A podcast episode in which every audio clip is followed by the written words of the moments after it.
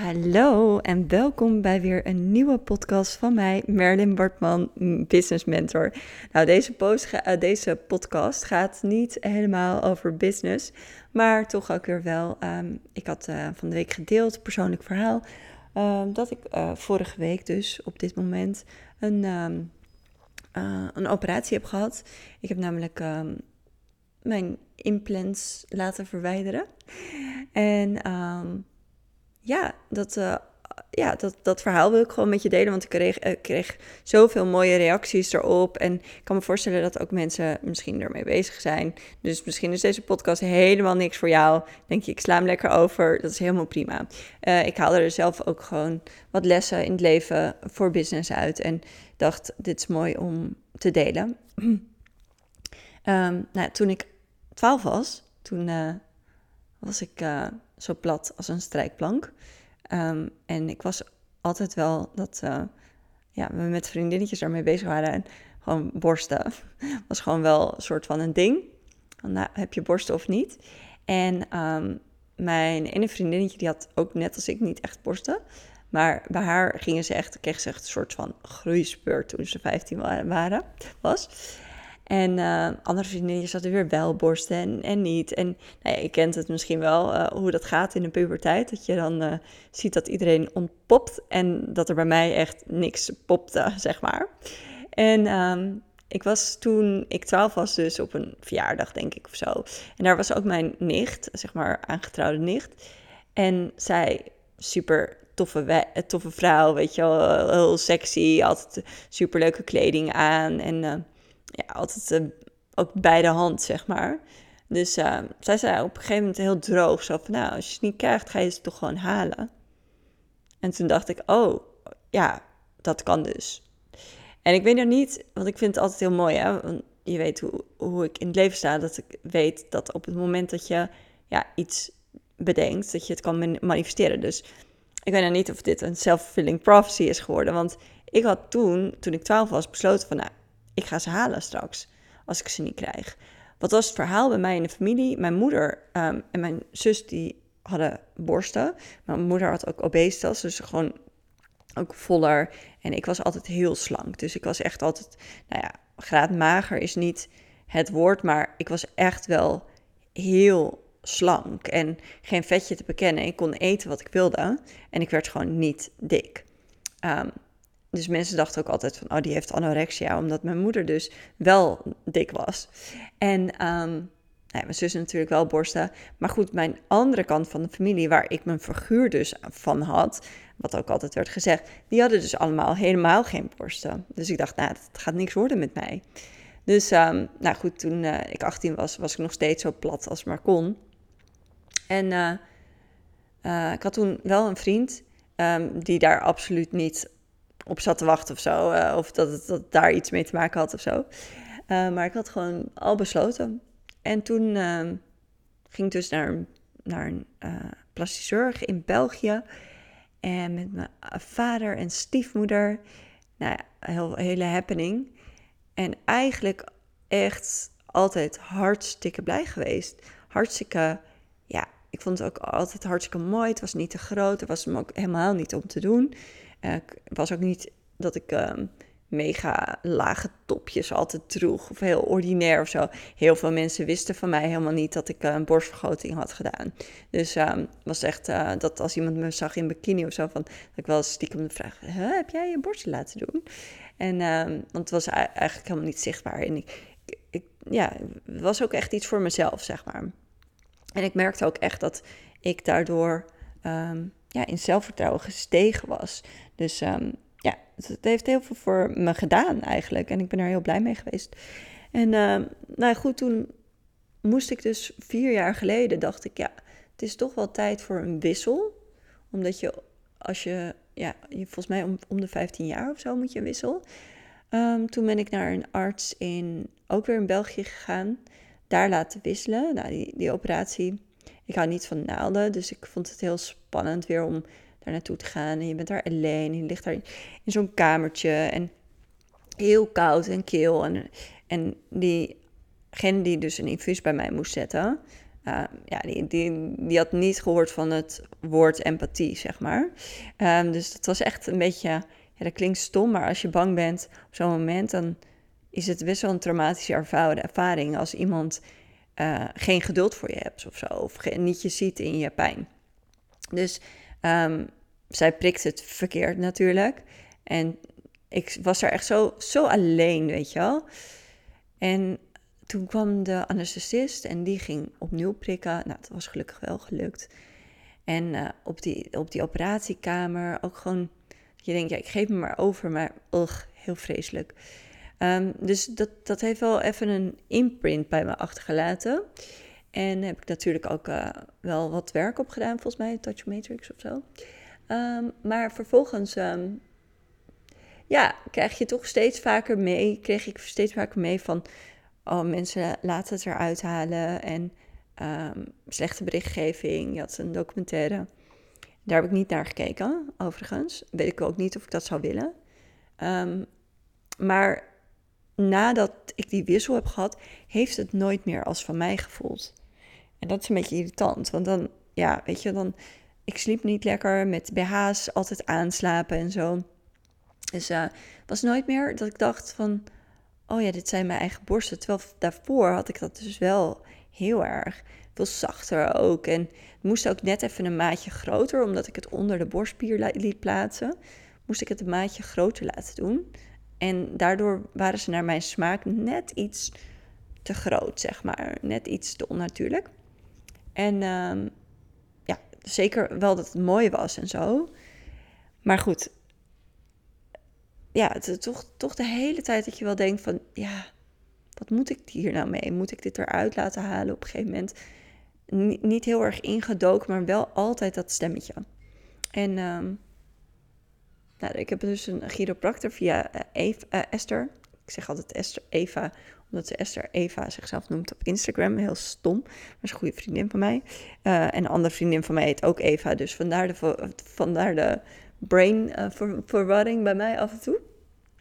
En zij had een uh, chiropractor die heel bijzonder was. En die allemaal mensen van hele mooie, hele heftige dingen afhielp. En Patrick die had altijd last van zijn knie. Um, maar echt extreem, dat hij niet, niet eens vijf minuten met Tom gezellig kon voetballen. Dan moest hij alweer stoppen, omdat hij gewoon echt niet meer kon lopen, zeg maar, op met die knie. Dus hij ging naar die chiropractor toe en nou, binnen één sessie was het al zoveel verminderd. En de tweede sessie was het eigenlijk over. Dus, uh, en hij liep daar echt al jaren mee. En uh, nu gaat zijn hele familie gaat naar hem toe voor lichamelijke klachten. Zijn moeder met haar heup. En nou, echt een hele bijzondere vent is het. En uh, ik dacht, ja, ik hou hiervan. Ik hou gewoon van bijzondere mensen en met gaves. Dus ik uh, dacht, ik, ga, ik moet naar deze man toe. Dus uh, ik ging naar deze man toe. Eigenlijk gewoon een soort APK-check-up van, oh, wat, ik wil hem ontmoeten gewoon. Dus gelijk onwijs klik, gelijk echt dat ik dacht van, oh, wat interessant en bijzonder. Um, nou, en, en, en, en verhaal doen, heb je operaties gehad, nou, alles verteld natuurlijk. En toen lag ik daar en toen, toen zei hij ja, een beetje zo heel schurvoetend, hoe zeg je dit? Van, ja, ik moet je toch een heel vervelend bericht geven. Namelijk dat, het, dat ik gewoon aan beide voeten uh, test doe. En dat ik merk dat, het, dat er iets toxisch in je lichaam zit. En um, ja, anders is het altijd aan één kant. En nu is het aan twee kanten en kan niet anders. Heeft hij nog meer tests gedaan. Dus ja, het is echt die implants. En uh, ja, je moet natuurlijk doen wat je zelf wil, maar ik zou echt aanraden om ze eruit te halen. Nou ja, janken, echt vreselijk. Dacht ik, ja, heftig, heftig, heftig. Um, ik had ook nog een afspraak met een coachie van mij. Dus die moest ik afzeggen. En uh, zij kon mij ook eventjes uh, helpen ook hiermee, want, want ik had natuurlijk ook ja, echt vet veel verdriet dacht echt, oh, dan moet ik het er nu uit. Nu is het definitief. Nu, nu, nu weet ik dat het eruit gaat. En ja, ik heb eigenlijk nergens last van. Dus ik doe het, ja, op basis van wat, weet je? Op basis van dat het beter zou zijn. Of dat misschien iets fout zou kunnen gaan. Nou goed. Toen dacht ik, oh shit, nou moet ik het tegen Patrick vertellen. En dat vind ik helemaal lastig. En die kinderen waren thuis, dus ik wilde ook helemaal niet dat het zo'n drama werd, zeg maar. Dus ik had al tegen Patrick, naar Patrick een bericht gestuurd van, uh, ja, hij heeft iets gezegd wat even niet leuk is, niet levensbedreigend, maar wel, ik word er wel verdrietig van, zeg maar. Ik dacht, dan is hij een beetje voorbereid, maar ik zei van, laten we het er niet over hebben, want... Uh, ja, uh, dat is een beetje ingewikkeld. Nou, toen kwam ik thuis natuurlijk, dus ik even naar boven. Hij kwam naar me toe, super lief, weet je, gewoon echt niet normaal dat ik denk van, oh, wat, bof ik toch met zo'n fantastische vent. Dus dat was echt super fijn. En eigenlijk heb ik nog best wel eventjes tussen laten zitten. Ook omdat ik natuurlijk naar Zuid-Afrika ben gegaan. En omdat je wachtrijen hebt. Omdat het, het is best wel common dat mensen het eruit laten halen. En uh, ja, toen, toen kwam het steeds dichterbij. Toen dacht ik wel van fuck, weet je. Ja, omdat je gewoon niet het doet vanuit er is iets mis, weet je wel. Er is iets echt mis en ik wil dat eruit omdat er iets mis is. Nee, je doet het echt vanuit, ja, er kan misschien iets misgaan. Dus ja, laten we dat maar doen. Uh, je kan ook, weet je, je kan er ook voor kiezen om, om door te blijven gaan. En eigenlijk kop in het zand, zeker wat ik al heel lang aan het doen was. Want ik wilde heel lang hier niet aan. En, uh, maar goed, ik uh, was naar, was naar die, dat gesprek geweest. En ze zei tegen mij van, ja, weet je, eruit laten halen en, en niet vullen, dat, dat, dat zou ik je echt niet aanraden, want het wordt gewoon niet mooi. Je kan je voorstellen dat er als er de hele tijd in je borsten twee grote ballonnen hebben gezeten, dat het heel erg uitgerekt is. En uh, dan moet je dus een lift gaan doen, wat ook een best wel ja, grote litteken en zo geeft. En of, um, of lipofulling. En dat vult het wel, maar ja, ja, het wordt het is wel zwaarder geworden, zeg maar. Dus uh, ik dacht, nou, lipofulling. Maar ja, ze ging ook bij mij voelen. En nou ja, ik weet niet of je me wel eens ziet, zeg maar. Maar ik ben natuurlijk niet echt super uh, gevuld, zeg maar, qua vet. Tenminste, was ik nooit. en uh, nou goed, dus ik dacht, nou, dat, dat gaat echt minuscuul worden. Dus um, ik ben naar die operatie geweest. En ik zag er natuurlijk een beetje tegenop. Um, er lag een heel lief meisje naast mij, die net geopereerd was, die ontzettend positief was en zo helpend was. Um, en er was een hele lieve zuster, die uh, ging het infuus ook bij mij zetten. Nou, ik moest even huilen. Maar zij deed het zo goed en het was echt, ja, het was meteen goed, zeg maar. Dus dat was heel fijn. En een meisje naast me, die, die ging ook eventjes zo kijken naar de borst. En die zat echt zo, oh, ik ben echt helemaal blij verrast, weet je wel. Want, uh, nou, precies hetzelfde, ook lipofulling gedaan. Um, en ze vertelde dat ze heel aardig waren. Nou, dat, dat kan dan zo helpen, weet je wel. Dat maakt echt het verschil. Dus um, ik die operatiekamer in. En um, die man... Nee, nee, nee. Daarvoor, sorry. Hak op de tak. Daarvoor kwam uh, die dokter, Liedewij kwam nog naar me toe. Zij zit bij Mitsu. Heel veel mensen die ik ken zijn naar Mitsu geweest. Bij Frank Minisse en Liedewij werkt daar ook. Super, super geweldige vrouw. Echt heel blij met haar. Het eerste van, oh jee, moet ik dan niet bij Frank? Want die is degene die het, het opgericht heeft. En die is vast de beste en zo. Maar ik ben uh, zo blij dat ik met, bij haar ben geweest. Um, zij, zij ging dus even met mij zitten. Nog even een keer voelen aan mijn vet. Nou, niet heel veel. Dus we gaan kijken wat we kunnen doen. En toen, uh, nou, in de OK. En dan moet je dus op je buik liggen, want ze beginnen dan vet weg te halen, een beetje in je rug, onderrug. En ja, ik dacht ook echt, ik zet nu die knop om. Uh, weet je, het heeft geen zin om te denken aan wat ze nu met me gaan doen. Um, knop om, knop om, knop om. Die man die ging aan me vragen hoezo dat ik coach ben geworden. Dus ik heb eigenlijk gewoon het hele verhaal verteld. En um, krijg je een kapje op, inademen. En uh, dat, dat spul wordt in je gespoten waarschijnlijk. En, uh, en weg. En ik, die zuster zei een paar keer van... Heb je al iets leuks waar je over na gaat denken? Ja, en ik ging dus helemaal nadenken over onze mooie huis in Zuid-Afrika straks weer. En uh, dat voelde heel goed met de kindjes en happy, happy, happy. En ja, ik ga, zak eigenlijk best wel makkelijk en goed weg. En ik word weer oké wakker. Eigenlijk, ik denk dat er gewoon heel veel lekker spul in zit. Want de vorige narcoses die ik heb gehad, die waren echt dat ik dacht, ik kom er niet heel lekker uit of zo. En hiervan kwam ik er echt super lekker uit. Ik was echt helemaal, ja, helemaal vrolijk. En je voelt natuurlijk ook nog niet echt die pijn en zo. Dus het is helemaal, helemaal top. En um, nou, beschuitje gegeten en alles. En ik kijk, ik kijk naar mijn borsten en ik denk echt, holy shit, ik heb gewoon echt best wel groot tieten nog steeds.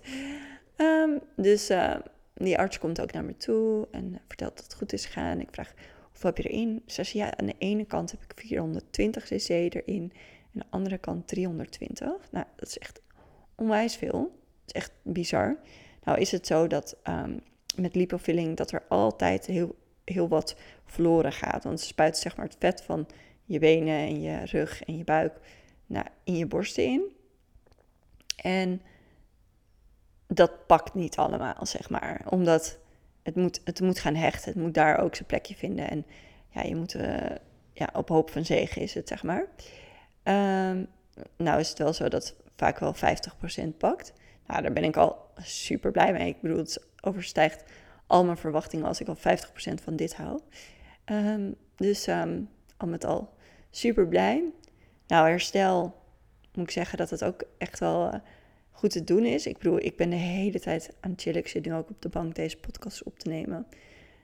Vorige week alle dingen afgezegd. Deze week ook alles wat kon heb ik afgezegd. Um, maar ja, dus het stroomt wel als ik niks doe. Ja, dan gaat mijn creatieve brein aan. Dus als ik niks doe, ik denk echt, ik moet vaker niks doen. Dan, dan komt er gewoon inspiratie door. En dan, ja, dan ga ik gewoon. Dus um, ja, we gaan meemaken. En um, ja, ik ben, ik ben super blij ook, want de, een van de redenen ook waar ik heel erg mee bezig ben, is natuurlijk dat ik heel erg graag heel zuiver wil zijn, ook in mijn connectie met ja, het spirituele, het energetische. En dat het gewoon heel erg voelt dat dat, dat nu eruit is en dat dat goed voelt voor me. En dat ik weet dat dat ook een effect gaat hebben gewoon op mijn, op mijn channel, zeg maar. Dat ik uh, ja, gewoon puurder ben. En daar ben ik ook heel blij mee. En dat mijn lijf nu echt helemaal van mij is. Dat voelt ook gewoon heel erg lekker nu al. Ook al is mijn lijf nu best wel kreupel. Ik moet niet uh, rondjes gaan lopen of zo. Maar ja, het is uh, ja, heel chill. Heel chill, heel blij mee. En um, dat wilde ik ook zeggen, want dat had ik ook in die post gezegd. En ik was in uh, Zuid-Afrika een hele mooie vrouw, echt een zielsverwant. Um, een bevriend meegeraakt. En zij, uh, we hadden toen ook over, voornamelijk over de keuze om in Zuid-Afrika te gaan, weer terug te komen of niet. Of hè, met de kinderen. En uh, zij zei ook zo'n simpele, maar zo treffend van, ja, je maakt een keus. Totdat je weer een nieuwe keus maakt. Toen dacht ik, ja, weet je, zo simpel is het. We maken het zo moeilijk om iets te kiezen, omdat we bang zijn dat we verliezen in de keus. Maar ik denk dat op het moment dat je kiest, wordt alles van dat wat je kiest wordt groter. En alles van dat wat je verliest wordt minder belangrijk en kleiner. En ik denk dat dat zo goed is om je te beseffen dat het, weet je wel, en ook als je kiest die peace of mind die je daarbij krijgt. Ja, ik weet niet of je zelf wel eens in keuze hebt gestaan dat je, dat je maar uitstelt en dat je maar wacht totdat je, totdat je een knoop doorhakt. Ja, die periode is gewoon zonde van je tijd. Zonde van je energie. niks is zo erg als maar wachten tot dat. En dat merkte ik ook toen ik zeg maar, dit geldbedrag hiervoor over moest maken. Dat het natuurlijk er echt een smak geld is wat je hierin steekt. Toen ik dat moest overmaken, toen, ugh, toen dacht ik echt, shit hé, dit, ah, ik kan nog weglopen. Weet je, totdat ik dat geld, daarom was die week ook best wel heftig voor mij, omdat ik toen echt dacht, ja, maar als ik het nu overmaak, dan is het echt. Kan ik niet meer weglopen. Kan ik niet meer zeggen, ik doe het niet meer. Weet je, dan, dan is mijn ja een definitieve ja. Natuurlijk is het al, hè, weet je, die, die datum stond gepland. Maar met het overmaken van het geldbedrag had ik echt zo even zo zo'n ding van fuck, ik kan niet meer terug dan. En, ehm, maar daarna ging alles weer liggen. Daarna werd alles rustig. En dan denk ik, oh ja, ik had mezelf zo gegund om eerder die knoop 100% door te hakken. Dat voelt zo goed. En ja, ik hoop dat dat is wat je uit deze podcast meeneemt. Dat als je ergens over twijfelt of als je, hè, weet je maar jezelf wil overtuigen of niet, maak een keus. Weet je, jouw hart weet al lang wat je moet doen. En hak die knoop door. Want het is zoveel lekkerder. Het is zoveel fijner. En het voelt zoveel sterker. Oké, nou dat was de podcast.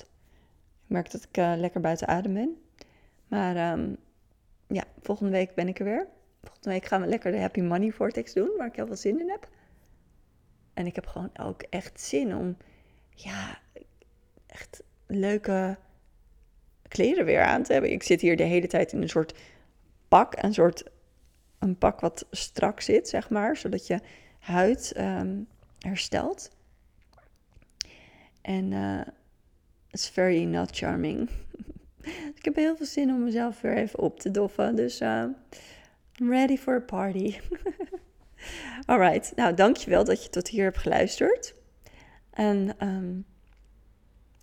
um, ja, het lijkt me fantastisch om je in de Happy Money... Het is echt een brug van, uh, van niks natuurlijk. Slaat helemaal nergens op deze brug. Maar uh, in Happy Money Vortex gaan we natuurlijk lekker spelen. En ervoor zorgen dat we onze hoogste maand ooit gaan draaien. Ik heb er heel veel zin in. Ik heb zelf al uh, een intentie gezet. En ik ben heel benieuwd. Ik ben heel benieuwd. In ieder geval gaat het super tof worden. We zijn met een groep van al 87 mensen. En uh, de enige persoon die we nog missen ben jij. Dus uh, ik zou zeggen, stap erin. Stuur me een DM. En we're gonna have some fun. Alright, dankjewel voor het luisteren.